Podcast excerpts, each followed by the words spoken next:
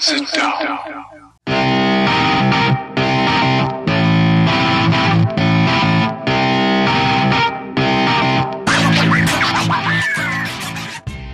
Witam wszystkich i każdego z osobna. Ja jestem Robert Kochan, a to jest Kochana NBA, najbardziej nieobiektywny podcast o najlepszej koszykarskiej lidze świata.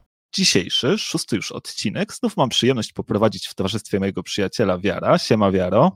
Siema Robert, jak ci mija ta nasza dzisiejsza niedziela? No właśnie mija troszkę w takich problemach technicznych. Mam nadzieję, że wszystko nam się dzisiaj tutaj uda nagrać, że wszystko pójdzie tak jak należy.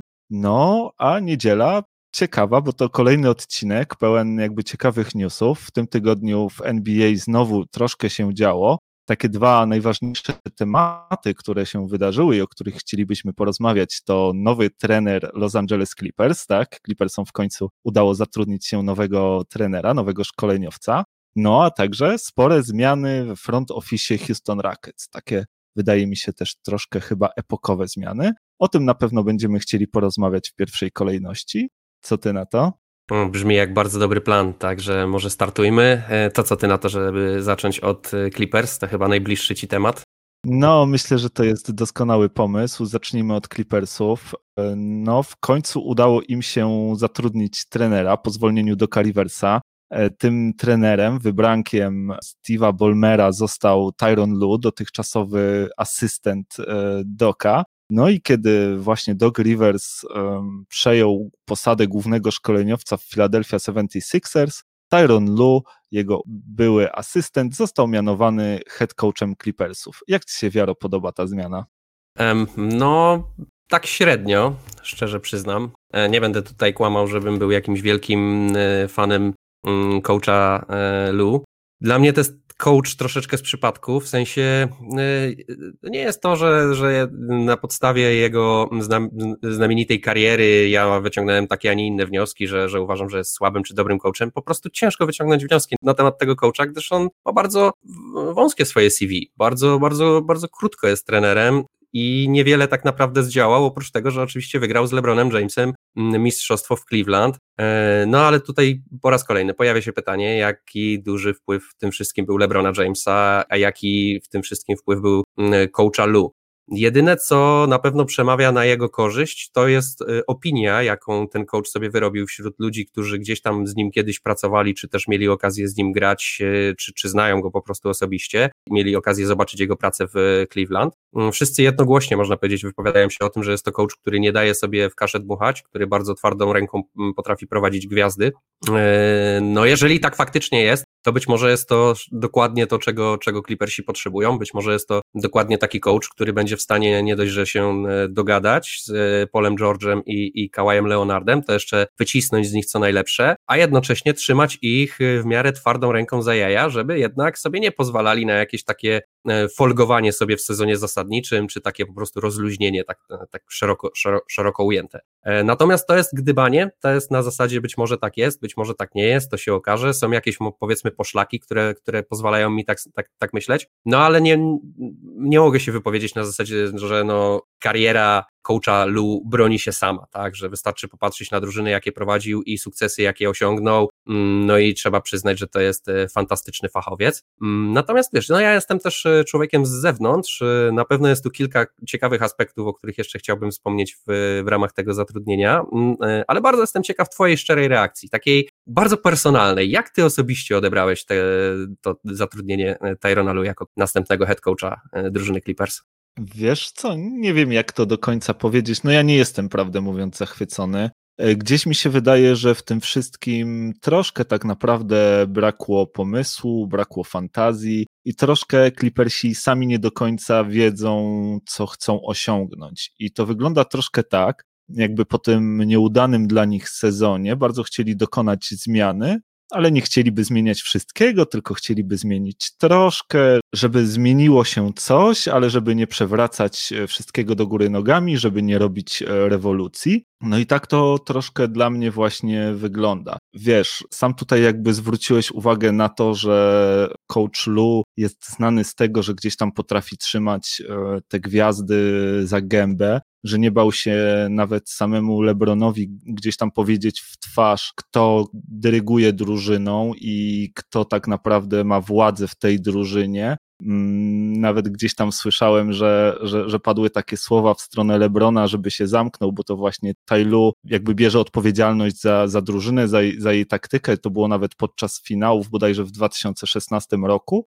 Natomiast, e, no, czy tak będzie w przypadku Clippers, to ciężko powiedzieć. Gdyby tak miało być, to pewnie już by się to stało. Przecież e, Tailu nie jest osobą nową, to nie jest ktoś, kto przychodzi z zewnątrz. To jest e, gość, który był już w sztabie Clippersów i tak naprawdę ciężko mi sobie wyobrazić, żeby on mógł zrobić coś, czego do tej pory już zrobić nie mógł. E, no i właśnie tak trochę na to patrzę, że to jest taka zmiana, żeby coś zmienić, a żeby nie zmienić za dużo. I wydaje mi się, że to się może skończyć w ten sposób, e, że po prostu no, mała zmiana została wykonana, natomiast na koniec w przyszłym sezonie okaże się, że nie zmieniło się nic i Clippersi znowu będą mieć problem. No widzisz, też jesteś, widzę, pełen wątpliwości co do, co do tego zatrudnienia. No nie dziwię się, ale będę tutaj troszeczkę, mm, znowu postawię się może jako adwokat diabła i spróbuję tutaj Tyronalu trochę, trochę wybronić mm, z, naszych, z naszej argumentacji też. Takie sytuacje, gdzie asystent trenera przejmuje, przejmuje rolę w drużynie, nie, nie wywołując wielkiej rewolucji, a jednak sprawiając, że tak drużyna gra dużo, dużo lepiej, jednak się w tej lidze zdarzają. Bardzo dobrym tego przykładem jest zapewne mm, Nick Nurse w Toronto, który zastąpił na stanowisku trenera, który wcześniej wygrał statuetkę trenera roku, a jednocześnie właśnie nie wprowadzając wielkiej rewolucji, sprawił, że ten zespół jednak e, gra dużo, dużo lepiej, no wygrał mistrzostwo też z Kawajem Leonardem, Także no wielkie sukcesy dla tego zespołu. Być może w przypadku Clipsów też tak będzie, no bo tutaj też e, nie wiemy jak e, głośny, czy też jak powiedzmy donośny ten głos Tyrona Lue w szatni Clippers był. No jednak był tam Doc Rivers, który jest osobą bardzo szanowaną i taką osobą zapewne, która miała ostatnie zdanie we wszystkim, a przynajmniej w większości rzeczy. Tak, tak bym to przynajmniej ja odbierał i wydaje mi się, że mm, być może jednak teraz, kiedy będzie mm, tym trenerem głównym i jego głos będzie, będzie tym ostatecznym w szatni, być może to jest y, faktycznie to, czego potrzeba. No bo też zwrócę uwagę Ci na to, że w klipsach nie potrzeba rewolucji. No nie musicie wymieniać całego tego składu. Wystarczy, że go dobrze ułożycie. Wystarczy naprawdę, że ten zimny prysznic i te, te wnioski z tego, z tej porażki w tym sezonie zostaną wyciągnięte i naprawdę będziecie bardzo, bardzo groźni, moim zdaniem, i będziecie y, jednym z pretendentów do mistrzostwa w przyszłym sezonie.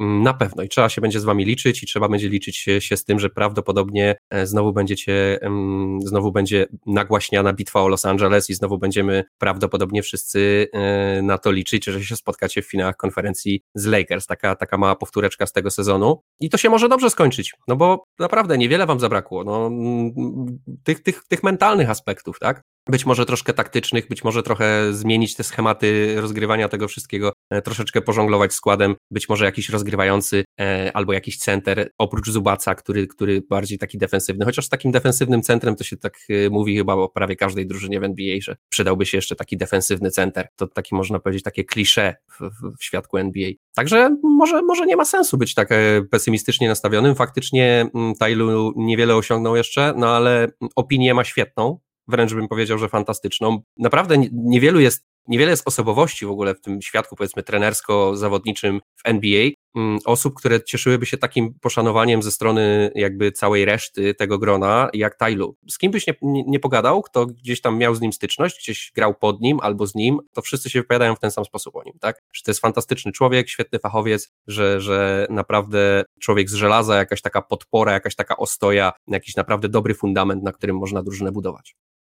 E, no wiesz co, mówisz, że nie ma sensu być e, pesymistą. Ja jednak tym pesymistą trochę jestem i wydaje mi się, że wszyscy znowu robią hype wokół Clips i znowu właśnie mm, sugerują, że, że będzie wielka bitwa o Los Angeles i tak dalej. Natomiast mnie wydaje się, że to może skończyć się bardzo podobnie, jak skończyło się w tym roku. I tak jak ty pobawiłeś się troszkę w e, adwokata diabła, tak ja pobawię się teraz w doktora Jekyll i Mr. Hyde'a. Zacznę może od, e, od doktora Jekyll i powiem, że rzeczywiście Tailu ma świetną opinię w lidze. To jest gość, który ma ogromne doświadczenie, gość, który współpracował z naprawdę fantastycznymi trenerami, bo i współpracował z Philem Jacksonem, i e, właśnie długo był pod skrzydłami do Riversa, od którego uczył się jakby fachu. Gość, który grał z fantastycznymi też zawodnikami i przeciwko fantastycznym zawodnikom, więc jakby ma warsztat i, i doświadczenie, które, które pozwala wierzyć w to, że poradzi sobie w swojej pracy. Natomiast, e, no właśnie, jest, jest jeszcze ten Mr. Hyde, tak?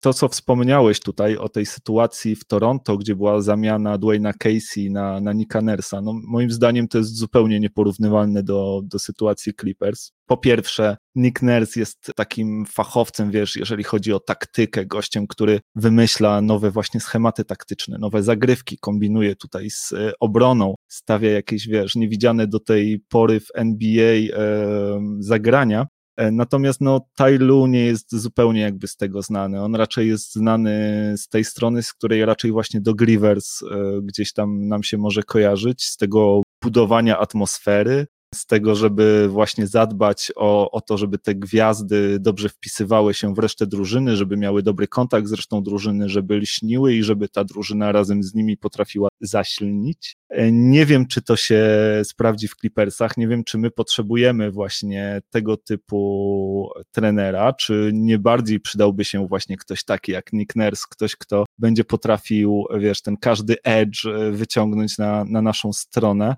Zobaczymy, to się okaże, natomiast e, no też ta Mr. Hyde'owa strona każe mi powiedzieć, że z tym Tajem to też nie tak do końca było właśnie jak z Nickiem Nersem, bo kiedy Toronto rezygnowało z Dwayna Casey'a, oni od razu wiedzieli, że Nick Nurse będzie jego zastępcą, od razu wiedzieli, że chcą na niego postawić. Natomiast zwróć uwagę, że w przypadku Clippers mm, doszło do zwolnienia, czy też do, do rezygnacji coacha Riversa, i nie od razu zaproponowano pracę Tyronowi Lu. Z tego co wiem, to były gdzieś tam prowadzone wywiady z innymi trenerami, szukano nazwisk z zewnątrz. Prawdopodobnie zadzwoniono nawet do coacha Krzyżewskiego, czyli coacha Kay, e, najlepszego chyba coacha koszykówki uniwersyteckiej. No i tak naprawdę wydaje mi się, że nie znaleziono lepszej alternatywy i wtedy postawiono troszkę, no dobrze, no to jak nie możemy znaleźć tutaj nikogo lepszego, nie możemy wyciągnąć żadnego porządnego nazwiska, no to mamy tutaj w drużynie takiego Taja Lu, który jest szanowany w lidze, no i dobrze, no na bezrybiu i rak ryba, podpiszemy z tym Tajem Lu kontrakt, zresztą on też e, znany jest z tego, że bardzo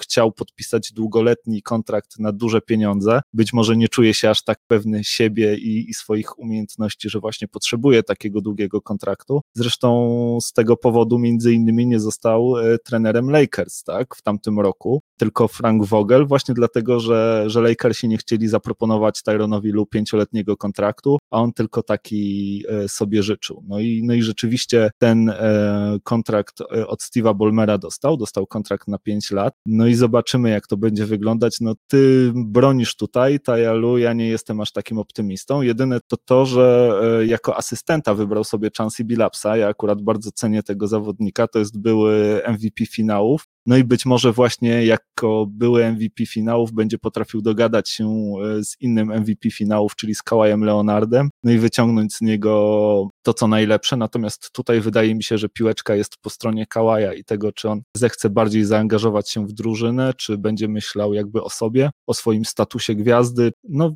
ten sezon tak naprawdę pokaże, co Kałaj ma w głowie i co tak naprawdę liczy się dla niego najbardziej. Mm, dogadać się to takie trochę zabawne w e, kontekście Kałaja Lenarda. Mm, bo on akurat za dużo nie mówi. Ale tak, jak najbardziej. Słuchaj, ale a propos tego wszystkiego, co powiedziałeś. Po pierwsze, ja tutaj nie porównuję tej sytuacji jeden do jeden z tym, co było w Toronto. Oczywiście masz rację, że to, to, to nie są sytuacje, które można tak, tak łatwo porównać, a tylko chciałem zwrócić uwagę na fakt, że mm, są mm, historie sukcesu asystent coachów, którzy zostali mm, head coachami tej samej drużyny, w której wcześniej byli asystentami. To nie jest jakiś y, tutaj wyjątkowy przypadek w kwestii y, Tyrona Lu. Kontrakt faktycznie sowity, 5 lat, 7 milionów dolarów za sezon, jeden z wyższych kontraktów coachowskich w NBA. No ale też umówmy się, że was to akurat stać, wasz właściciel ma kupę kasy to, to, to mało powiedziane, tak? To kupę kasy to mają inni właściciele w, w NBA, a on ma więcej pieniędzy niż oni wszyscy razem wzięci. Tutaj to akurat w żaden sposób nie wpłynie na wasze możliwości żonglowania składem czy podpisywania innych zawodników. A Chancey Billups to akurat jest jak najbardziej trafiony y, wybór. Też się zgadzam tutaj, to, jest, to był kiedyś świetny zawodnik, to był zawodnik, który e, nawet w Denver ma mm, fantastyczną opinię, zresztą to jest człowiek z Denver e, oryginalnie i zresztą e, bardzo jest w tym Denver ceniony za też swoją karierę mm, w koledżu. No i późniejsze też, e, późniejsze też wyczyny z Denver, chociaż tam akurat wielkich sukcesów e, nie miał, no ale wiadomo, to jest mistrz e, NBA z drużyną Pistons. Mm, no i też taka mm, osobowość NBA wśród wszystkich tych osób, które gdzieś tam bawią się powiedzmy w analityków sportowych, były graczy, no to Chansey na pewno się wyróżnia na ich tle tą swoją wiedzą o koszykówce i tym takim podejściem mm, bardzo, że tak powiem, front office'owym, czyli jego się naprawdę słucha, jakby był członkiem tego, tego sztabu szkoleniowego, czy też tego sztabu odpowiedzialnego za transfery i zarządzanie klubem, mm, więc tutaj myślę, że naprawdę świetny wybór. Wiesz co, no masz rację, no na, na bezrybiej rak ryba, tak to trochę z tym Tyronem Lu u was y, wygląda. Ja też, y, tak jak wspomniałem, nie jestem jakimś wielkim fanem tego tego zatrudnienia, mm, ale też nie skreślałbym go na starcie, tak? Uważam, że, że są gdzieś takie jasne punkty, których się tu można przyczepić i jeżeli bym był jego fanem, no to właśnie pewnie tych argumentów bym się czepiał, tak? Pewnie tym bym się podpierał, że, że właśnie jest to człowiek, który ma fantastyczną opinię w lidze, mm, że współpracował z wielkimi legendami mm, NBA, e, z wielkimi graczami, wychowywał się pod wielkimi trenerami, e, no i dobiera sobie też sztab szkoleniowy bardzo trafnie, można powiedzieć. Mm, no zobaczymy. Tylu jest waszym nowym trenerem, podpisał pięcioletni kontrakt, więc prawdopodobnie będziesz się musiał z tą myślą dość mocno oswoić i no tak jak mówię, no zobaczymy co pokaże. No, zobaczymy, zobaczymy. E, ja jeszcze dodam, że w Chansim Bilapsie najbardziej podoba mi się to, że on na boisku był liderem, a to właśnie takiego lidera w szatni Clippers chyba teraz najbardziej potrzeba i mam nadzieję, że on będzie właśnie też takim dodatkowym głosem e, wsparcia dla tych wszystkich zawodników i kimś, kogo, kogo będą się słuchać i za kim też e, będą podążać. E, Chansey udowodnił to w Detroit, że, że takim liderem potrafi być. No i mam nadzieję, że przeniesie to również do szatni Clippers. Kończąc ten wątek, jeszcze zróbmy sobie takie może ocenę w skali od 1 do 10, na jaką, na jaką wartość e, oceniłbyś zatrudnienie Tyrona Lu jako head coacha Clippers? Ja bym dał takie mocne 7. Myślę, że jest to dobry coach, myślę, że jest to dobry fachowiec. Też mm, znasz moje zdanie na temat coachów. Ja uważam, że większość z tych coachów to prezentuje bardzo podobny poziom, a takich, którzy się wybijają ponad ten poziom jest naprawdę niewielu. Mm, więc tutaj to jest takie trochę, jakie piwo wolisz, tak? E, taki wybór z tymi coachami.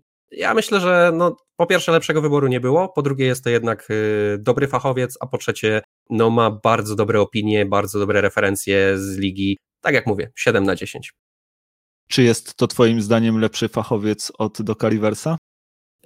Nie jest to moim zdaniem lepszy fachowiec od Doga Riversa, ale też nie uważam, żeby Doc Rivers był jakoś wielce lepszym trenerem niż y, Tailu. Tak? To jest. Y, już zwróciłeś też na to uwagę, że to są podobni trenerzy, tak? To są trenerzy podobni tym, jak prowadzą drużynę, w swoim jakby tym sposobie coachowania. To są obaj tacy bardzo jakby motywatorzy, e, niekoniecznie jacyś taktycy z najwyższej półki. E, więc ja tu nie widzę jakiegoś wielkiego upgrade'u ani downgrade'u, który zrobiliście. To jest troszeczkę zamienił stryjek siekierkę na kijek. No wiadomo, że Doc Rivers jest dużo bardziej utalentowany i, boże, utalentowany, utytułowany, tak? E, jego CV nie jest, jest bardziej utytułowany. Ma tak samo jedno mistrzostwo jak i Tyron Lu. Ma no, może dobrze, troszkę więcej ma... zwycięstw, bo po prostu długo prowadził e, dobre okay. drużyny, ale z którymi tak naprawdę wcale nic ciekawego nie osiągnął. Okej, okay, też złe słowo, ale na pewno dużo bardziej doświadczonym trenerem jest, tak? E, widział niejedno, je, trenuje od chyba 20 lat czy iluś. E, jest trenerem z, z ogromnym doświadczeniem, w przeciwieństwie do Tailu, który jest troszeczkę żółtodziobem trenerskim jeszcze. Mm, także no jednak tutaj, wiesz, no ta, powiedzmy, że Doc Rivers to jest takie 8 na 10, a Tailu to jest 7 na 10. No to taka zmiana moim, moim zdaniem, nie? No okej, okay, ja jestem dużo bardziej pesymistyczny w tej kwestii niż ty i e, biorąc pod uwagę tą metaforę właśnie siekierki i kijka, no zostaliśmy z kijkiem, kijek w e, porównaniu do siekierki nie ma ostrza, no a do tego kijka tak naprawdę bardzo mi brakuje też marchewki, e, więc e, ja, ja oceniam e, to na powiedzmy 4 na 10 i, i wcale nie jestem optymistą, jeżeli chodzi o, o tą ławkę Clippers i boję się, że ten hype no, się znowu źle dla nas skończy. No widzę, że, że mocno cię dotknęło to, co się w tym roku wydarzyło. Po raz kolejny mnie nauczyło życie, jak, jak wygląda prawda. Co znaczy być kibicem Clippers, tak? E, znaczy, no, ja... Kibice Denver nie mają wiele lepiej, także ja cię rozumiem. E, no, chyba nawet e, mają troszkę gorzej, bo sprawdzałem ostatnio winning percentage, jeżeli chodzi o postseason w NBA i macie gorszy nawet od nas e, o parę punktów procentowych. No proszę. To nie wiedziałem. No tak, my też się nie mamy czym pochwalić. Nasze największe sukcesy to są mm, bodaj dwa finały konferencji. Jedne z Carmelo Antonym, a, a, a drugie w tym roku. A tak jeszcze a propos Chance'ego Bilopsa i tego, co powiedziałeś, że jest świetnym liderem, jest, ja też liczę na to, że, to, to, to, to, że będziecie go słuchać, może tak to powiem, bo my też mieliśmy kiedyś takiego zawodnika właśnie Carmela Antony, gdzie bardzo liczyliśmy na to, że Chancey Billups mm, przeleje tą jego mental, tą swoją mentalność i tą, tą, tą swoją aurę liderstwa e, na Carmelo, który później po, poprowadzi Denver do zwycięstwa, no ale mm, jak to było z Carmelo Antonym w Denver i później w Nowym Jorku, no to, to, to chyba wszyscy wiemy, tak? Także trzymam kciuki na, za to, że, że jednak Kawhi i Paul George będą chcieli słuchać i będą słuchać Chance'ego Billupsa. E, swoją drogą, a propos Carmelo Antonego, to ostatnio taka ciekawa informacja rozgrzała NBA Twitter, bo e, oficjalny profil Denver Nuggets zamieścił grafikę, e, gdzie było widać jakby wizerunki kilku zawodników i było pytanie, kto twoim zdaniem jest najlepszym Nuggetsem wszechczasów. No i na tej grafice zabrakło Carmelo Antony, który jest chyba trzecim najlepszym strzelcem w historii franczyzy. No i jednak pojawiło się dużo pytań, dlaczego go zabrakło. Między innymi pojawił się tam Billups, między innymi pojawił się tam bodajże Nick Van Exel, pojawił się tam Dikembe Mutombo, pojawił się tam e, Nikola Jokic, no a zabrakło Carmelo Antony co przynajmniej mnie troszkę dziwi, no i wiele, wiele osób w internecie też mocno zdziwiło, no i osoba odpowiedzialna jakby za social media Denver Nuggets chyba musiała się troszkę gdzieś tam tłumaczyć, bo się wylała fala pretensji, jak to takiego zawodnika jak Carmelo e, mogło zabraknąć, e, bo to tak naprawdę on e, wtedy doprowadził was do tego finału konferencji, w zasadzie niosąc was gdzieś tam na własnych barkach. Zgadza się. Ja, mnie natomiast to kompletnie nie dziwi i nie dziwi to też zapewne wielu innych fanów Denver, którzy tą drużynę znają, a szczególnie znają nasze powiedzmy naszą drużynę social media. Ta drużyna nie będzie się nikomu z niczego tłumaczyć, to jest niestety takie buractwo, to jest ich styl i, to akurat jest słabe. Nie podoba mi się, to jest takie, taki, taki po angielsku jest takie słówko pettiness się to nazywa, tak? Taka, taka małostkowość, takie, tak, takie właśnie, takie po prostu pamiętliwość o rzeczach nieistotnych i takie po prostu, takie niesmaczne to jest. E, taki, Denver... taki Jordan style, tak? E, no, troszkę tak, chociaż tu akurat naprawdę jest y, inaczej o tyle, że Jordan to akurat y, czepiał się tych, którzy gdzieś tam mu czymś zawinili, tak? Carmelo Antony w tym Denver no nie, niespecjalnie czemuś zawinił, no pomijając to, że chciał z tego zespołu odejść, tak? Dokładnie. E... Poprosił o trade'a jednak do Nowego Jorku, wskazał no. destynację i tak dalej i myślę, że, że to głównie zaważyło o tym, że, że ta drużyna ma mu po prostu dużo za złe.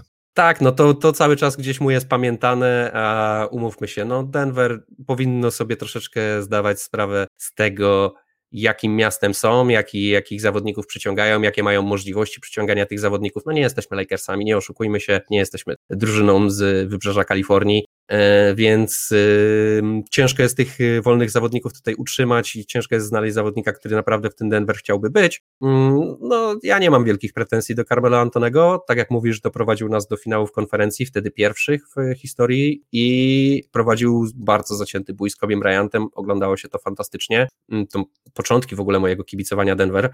E, więc y, bardzo miło to wszystko wspominam. I ja wielkich pretensji do tego zawodnika nie mam, oczywiście się z niego śmieję, bo wielkim zwycięzcą to on też nie jest i, i nic wielkiego w Nowym Jorku nie osiągnął po, po tym y, transferze którego tak bardzo chciał, mm, ale no, żeby go tak wykreślić, zmiana najbardziej zasłużonych zawodników, y, nie postawić go obok tych zawodników, których ty wymieniłeś, właśnie Dikembe Mutombo, czy, czy Chance'ego Bilopsa, czy, czy Jokicia, czy Nika Van no, Denver, jak wiele innych zespołów w NBA, raczej powinno te swoje gwiazdy były celebrować i raczej powinniśmy ich cenić sobie i gdzieś tam pamiętać o nich, niż, niż nawet jeżeli nie rozstaliśmy się w najlepszych warunkach, czy, czy powiedzmy na najlepszych zasadach, no to, to, to wciąż y, to co, to, co napisane zostało razem, no powinno być gdzieś tam docenione moim zdaniem.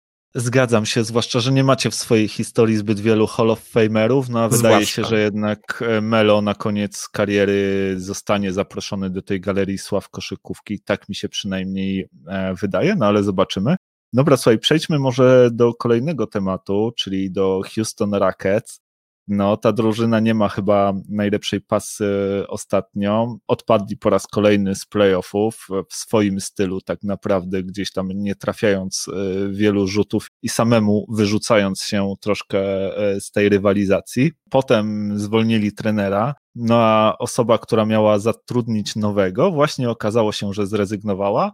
Daryl Morey po 13 latach szefowania sekcji koszykarskiej we front office, czyli bycia tym general managerem zespołu, zrezygnował e, ze swojej funkcji, no i postanowił chyba dać sobie spokój na jakiś czas od koszykówki, skupić się na rodzinie. E, o tej sytuacji mówiło się już od jakiegoś czasu, że tak może być, zwłaszcza po tym takim pamiętnym twicie Daryla Moreya, kiedy wsparł on protesty w Hongkongu i jakby stronnictwo demokratyczne, jakby jasno opowiedział się po, po stronie właśnie tych sił prodemokratycznych. Został za to mocno skrytykowany przez władze chińskie które zrezygnowały z wszelkich kontaktów biznesowych e, z Houston Rockets. Zarówno Houston Rockets, jak i cała NBA straciły, straciły ogromne pieniądze, bo mówi się tutaj nawet o 400 milionach dolarów.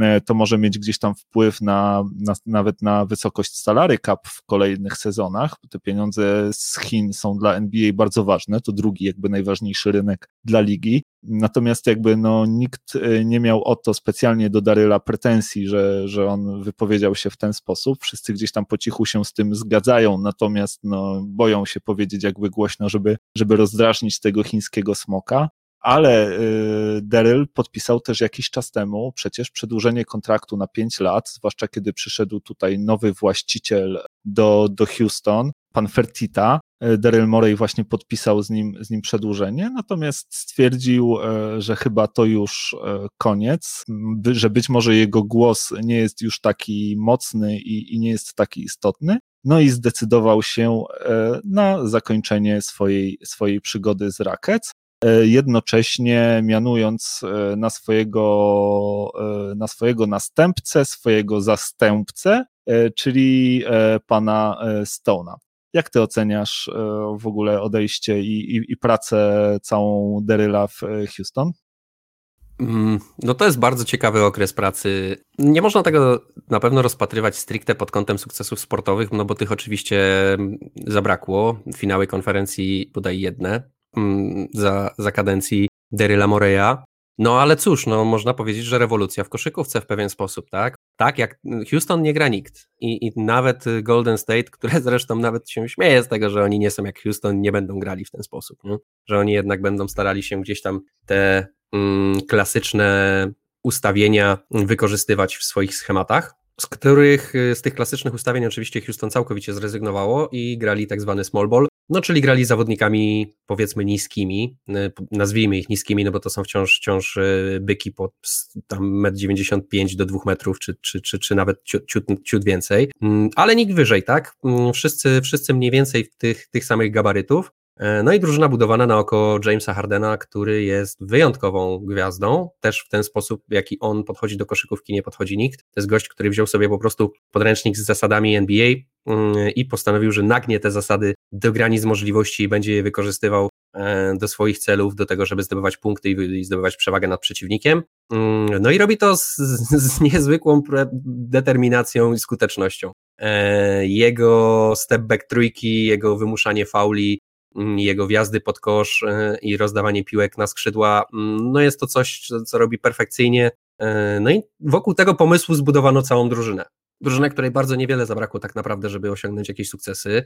Przypomnijmy, że e, kontuzja Chrisa Pola w bardzo kluczowym momencie, bo to bodaj w piątym meczu mm, serii z Golden State Warriors, serii, którą prowadzili i którą finalnie przegrali. Bardzo możliwe, że ta kontuzja mogła być e, wtedy kluczowa i, i, i gdyby nie ona, no to, to Houston grałoby w finałach, a gdyby grało w finałach, no to prawdopodobnie też wygraliby te finały.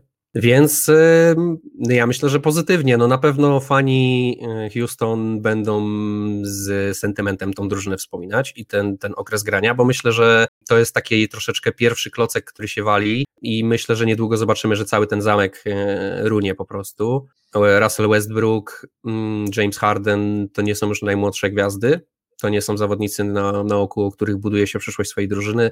E, myślę, że jeszcze że kilka sezonów i, i ta drużyna prawdopodobnie się rozpadnie całkowicie i będziemy ją wspominać mm, z jakimś takim zapewne sentymentem, mm, no bo grali wyjątkowo, nikt nie grał tak jak oni. Czy będziemy ją wspominać dobrze? No ja na pewno nie, bo mnie ten styl koszykówki nie odpowiada, tak? Ja się wy, wybitnie nudzę oglądając Jamesa Hardena robiącego swoje, E, nie, nie jest to styl koszykówki, który do mnie przemawia, szczególnie te jego pod 20 osobistych na mecz. No ale skuteczności temu nie można odmówić. No jest to wszystko fair, jest to wszystko sprawiedliwe, jest to wszystko zgodne z zasadami. To, że on je wykorzystuje do granic możliwości, no, no wolno. No nie, ma, nie ma nigdzie w zasadach napisane, że nie można tych zasad wykorzystywać. Wręcz przeciwnie, trzeba, należy ich przestrzegać, a że on po prostu mm, robi to w wyjątkowy sposób, nie można mu mieć tego za złe. A co do samego Darela Moria, no myślę, że też już najwyższy czas był to takie pierwsze ogniwo, które się wali, bo, bo też Darej Morey, wybitnie inteligentny gość, który pewnie widzi, że no już za wiele z tego pomysłu się nie wykręci. Nie? Jeżeli to miało się udać, no to, no to by się już udało, tak?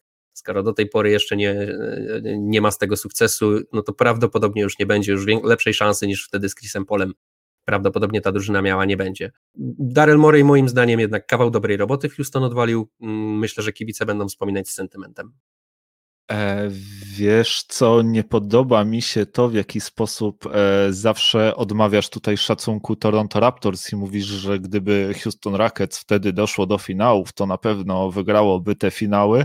Moim zdaniem tak zupełnie nie jest. E, Toronto wtedy grało fantastyczną jakby koszykówkę i wydaje mi się, że w finale spokojnie pokonaliby zespół Rockets.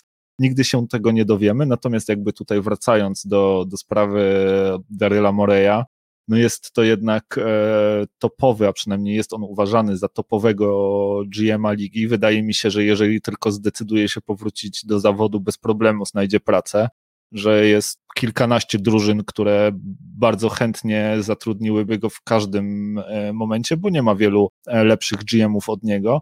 Jest on troszkę takim innowatorem. To jest gość, który patrzy na te sprawy zupełnie inaczej niż większość GM-ów Troszkę przypomina mi głównego bohatera filmu Moneyball. Nie wiem, czy kojarzysz taki film.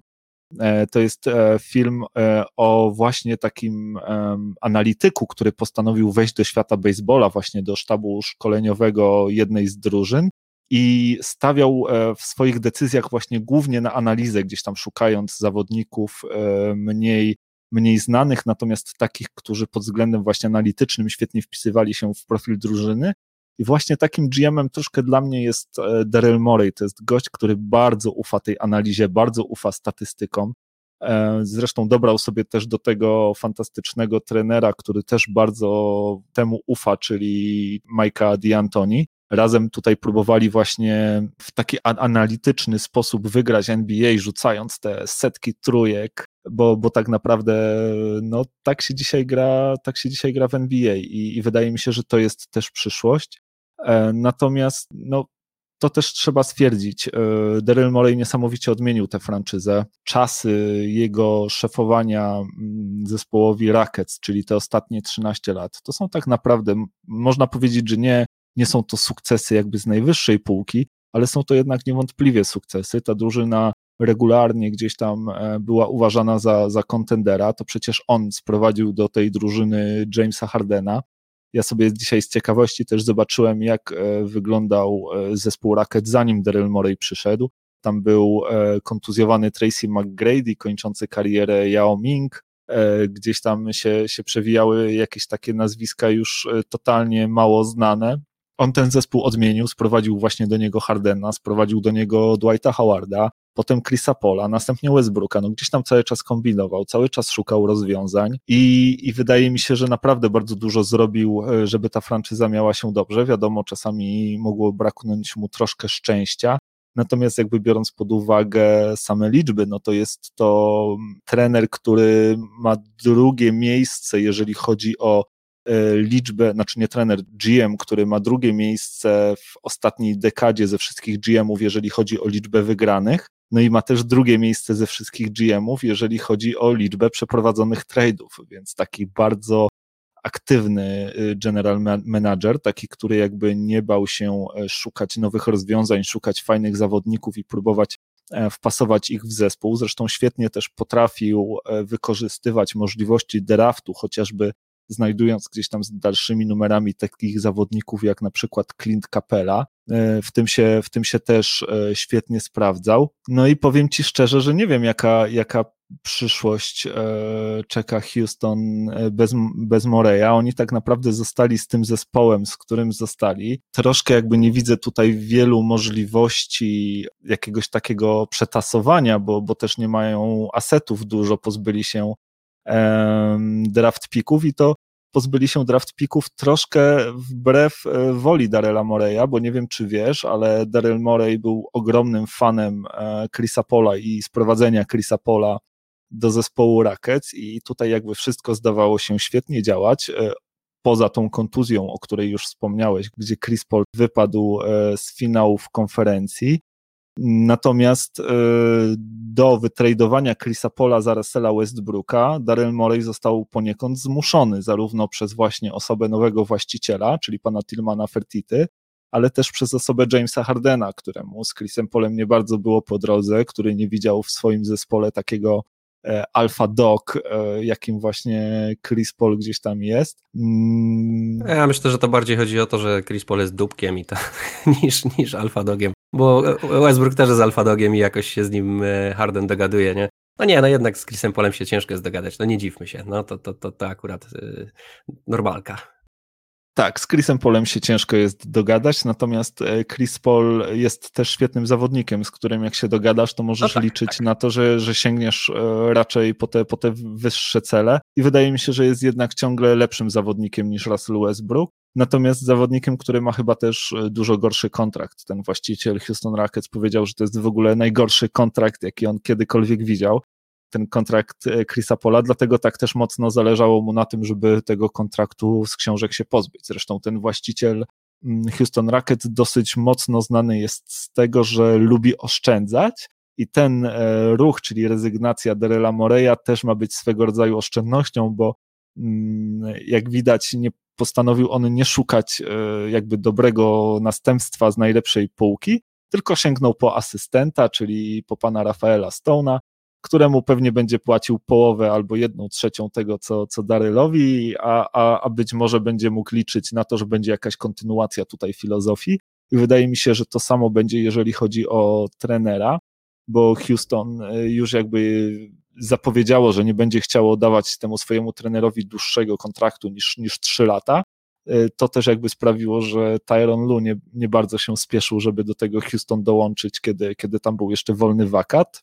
No i wydaje mi się, że oni właśnie tutaj też, jeżeli chodzi o trenera, to, to być może właśnie wybiorą e, pana Jeffa Van Gandiego, który zdecyduje się wrócić do ligi i zdecyduje się na to, żeby ten krótszy kontrakt przyjąć, albo będą szukali właśnie jakiejś takiej budżetowej opcji z mniej znanym trenerem, czy też promując jakiegoś asystenta. To bardzo ciekawe, co mówisz, bo Fan Fertita jest też właścicielem, czy też jednym z właścicieli e, UFC, więc e, akurat wydawałoby się, że nie będzie jakoś super oszczędzał na, na, swojej, na swojej nowej zabawce, e, jaką jest Houston Rockets. Ale jeszcze wracając do Darela Moreya, no samo to, że w ogóle rozmawiamy o nim, biorąc pod uwagę, że jest gen e, menadżerem generalnym Houston Rockets, no teoretycznie nie jest to osobą najbardziej taką medialną w klubie, tak? Nie jest ani jedną z gwiazd na boisku, ani nie jest trenerem, ani nawet członkiem sztabu trenerskiego, jest, jest, jest menadżerem generalnym, a jednak mówimy o nim, no bo to jest taki troszeczkę szalony alchemik NBA, tak? To jest taki właśnie gość, który do, tego, do tych swoich eksperymentów alchemicznych wrzucał najróżniejsze, mm, najróżniejsze wynalazki z różnych zakątków ligi, czy, czy, czy, czy zakamarów nawet poza ligą i budował z tego bardzo ciekawe zespoły, które i według bardzo ciekawej filozofii, no tak jak mówię, rewolucjonista, no nikt nie grał w ten sposób jak Houston, tak? Postawili na coś, czego nikt wcześniej nie robił, nie mieli bladego pojęcia, czy to się w jakikolwiek sposób uda, czy to w ogóle jest sensowne, no ale tak jak mówisz, ich sztaby analityczne podpowiadały, że w dzisiejszej koszykówce trzy punkty są warte więcej niż dwa mm, i że najskuteczniejsze rzuty to są tak naprawdę rzuty y, osobiste, to są y, layupy czy też dwutakty pod koszem i trójki, tak? No i w ten sposób można powiedzieć, że na bazie tego po prostu oparło Houston Rockets oparło całą swoją filozofię grania i wszystkie swoje schematy grania. Jeszcze dobrali, tak jak mówisz, fantastycznego coacha akurat do tej takiej, do takiego pomysłu, fantastycznych zawodników do takiego pomysłu grania. No i starali się e, takim eksperymentem doprowadzić do rewolucji w NBA. W, w jakimś stopniu to się na pewno udało. Mm, zabrakło troszeczkę, tak jak mówię, wspominaliśmy, tych, tych sukcesów sportowych, no ale na pewno będzie Darela Moreya brakowało, na pewno będzie brakowało tego, o czym też wspomniałeś, że przy każdym okienku transferowym gość był bardzo aktywny i nigdy nie było wiadomo, jakiego trade'a on w tym momencie nie wymyśli, bo był naprawdę mega kreatywny w tym wszystkim, tak?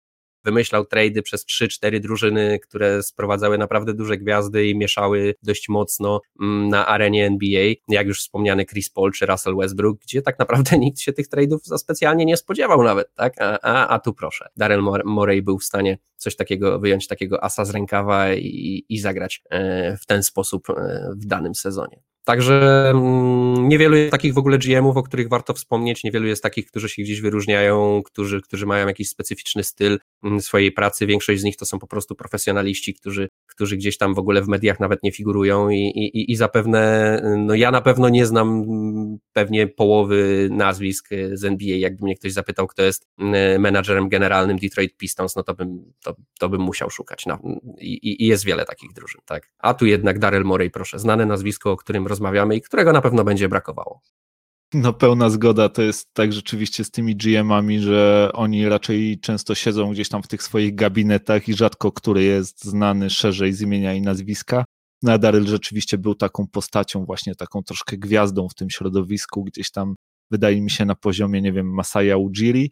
Wśród tych jakby topowych e, GM-ów był on wymieniany jakby w, w jednym rzędzie razem z nimi. No i będzie go mocno brakować, natomiast wydaje mi się, że to jest gość, który koszykówkę ma po prostu we krwi i będzie bardzo tęsknił za tą robotą i może chwilkę odpocznie, spędzi troszkę czasu z rodziną, może minie ten czas pandemii i, i Daryl wróci w świetnym stylu i obejmie e, jakieś e, stanowisko. Kto wie, być może w tym czasie zwolni się robota w Filadelfii a Filadelfia będzie szukać kogoś, a Filadelfia będzie szukać kogoś, kto wytraduje jednego z dwóch tutaj e, gwiazdorów e, swojego zespołu, więc e, może, może Daryl wtedy właśnie wkroczy z powrotem na scenę i, i znowu będziemy mogli podziwiać jego popisy, jeżeli chodzi o, o trady.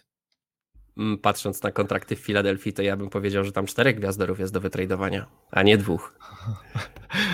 No, może, może tak być. E, po, jeszcze kończąc jakby ten temat, powiedz mi, jak widzisz Houston w przyszłym sezonie, w takim razie, jaką gdzieś tam pozycję im e, prognozujesz?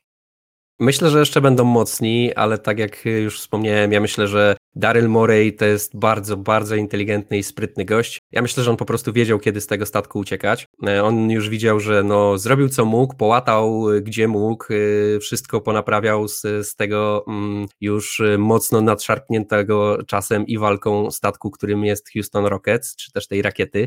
No i niewiele już mógł zrobić, tak? Nie wiem, tak jak mówisz, no już nie ma z czego uderzyć, nie ma za bardzo draft picków do wytradowania, gwiazdy są dość stare i już ciężko będzie też y, jakoś tutaj strasznie zamotać na rynku transferowym. No Jamesa Hardena mimo wszystko ciężko, znaczy szkoda w tym momencie tradować jeszcze. Zbyt dobry to jest zawodnik, żeby uzyskać za niego y, odpowiednią wartość. Russell Westbrook, a już jest znowu po drugiej stronie tej górki, jego już znowu nie warto tradować, mm, no bo już y, kto ci da za Russella Westbrooka jakieś wielkie cuda, jakieś wielkie armaty, czy też jakiś wielki talent, który pozwoli York jakąś drużynę.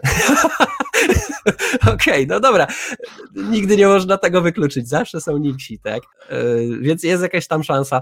Mm, no ale ogólnie ja myślę, że ten, ten, ta rakieta już y, powolutku mm, będzie zmierzać ku ziemi z powrotem i raczej się roztrzaska dość tak spektakularnie. Mm, kiedy to będzie? No ja myślę, że jeszcze tak ze 3-4 sezony maksymalnie to potrwa. Także w przyszłym sezonie myślę, że jeszcze będą mocni, jeszcze im wróżę playoffy, jeszcze im wróżę to, że będą się bili o wysokie miejsca w tych playoffach ale już będzie ciężko, już się nie zdziwię, jak będą na szóstym, siódmym, a może nawet ósmym miejscu w playoffach w przyszłym roku.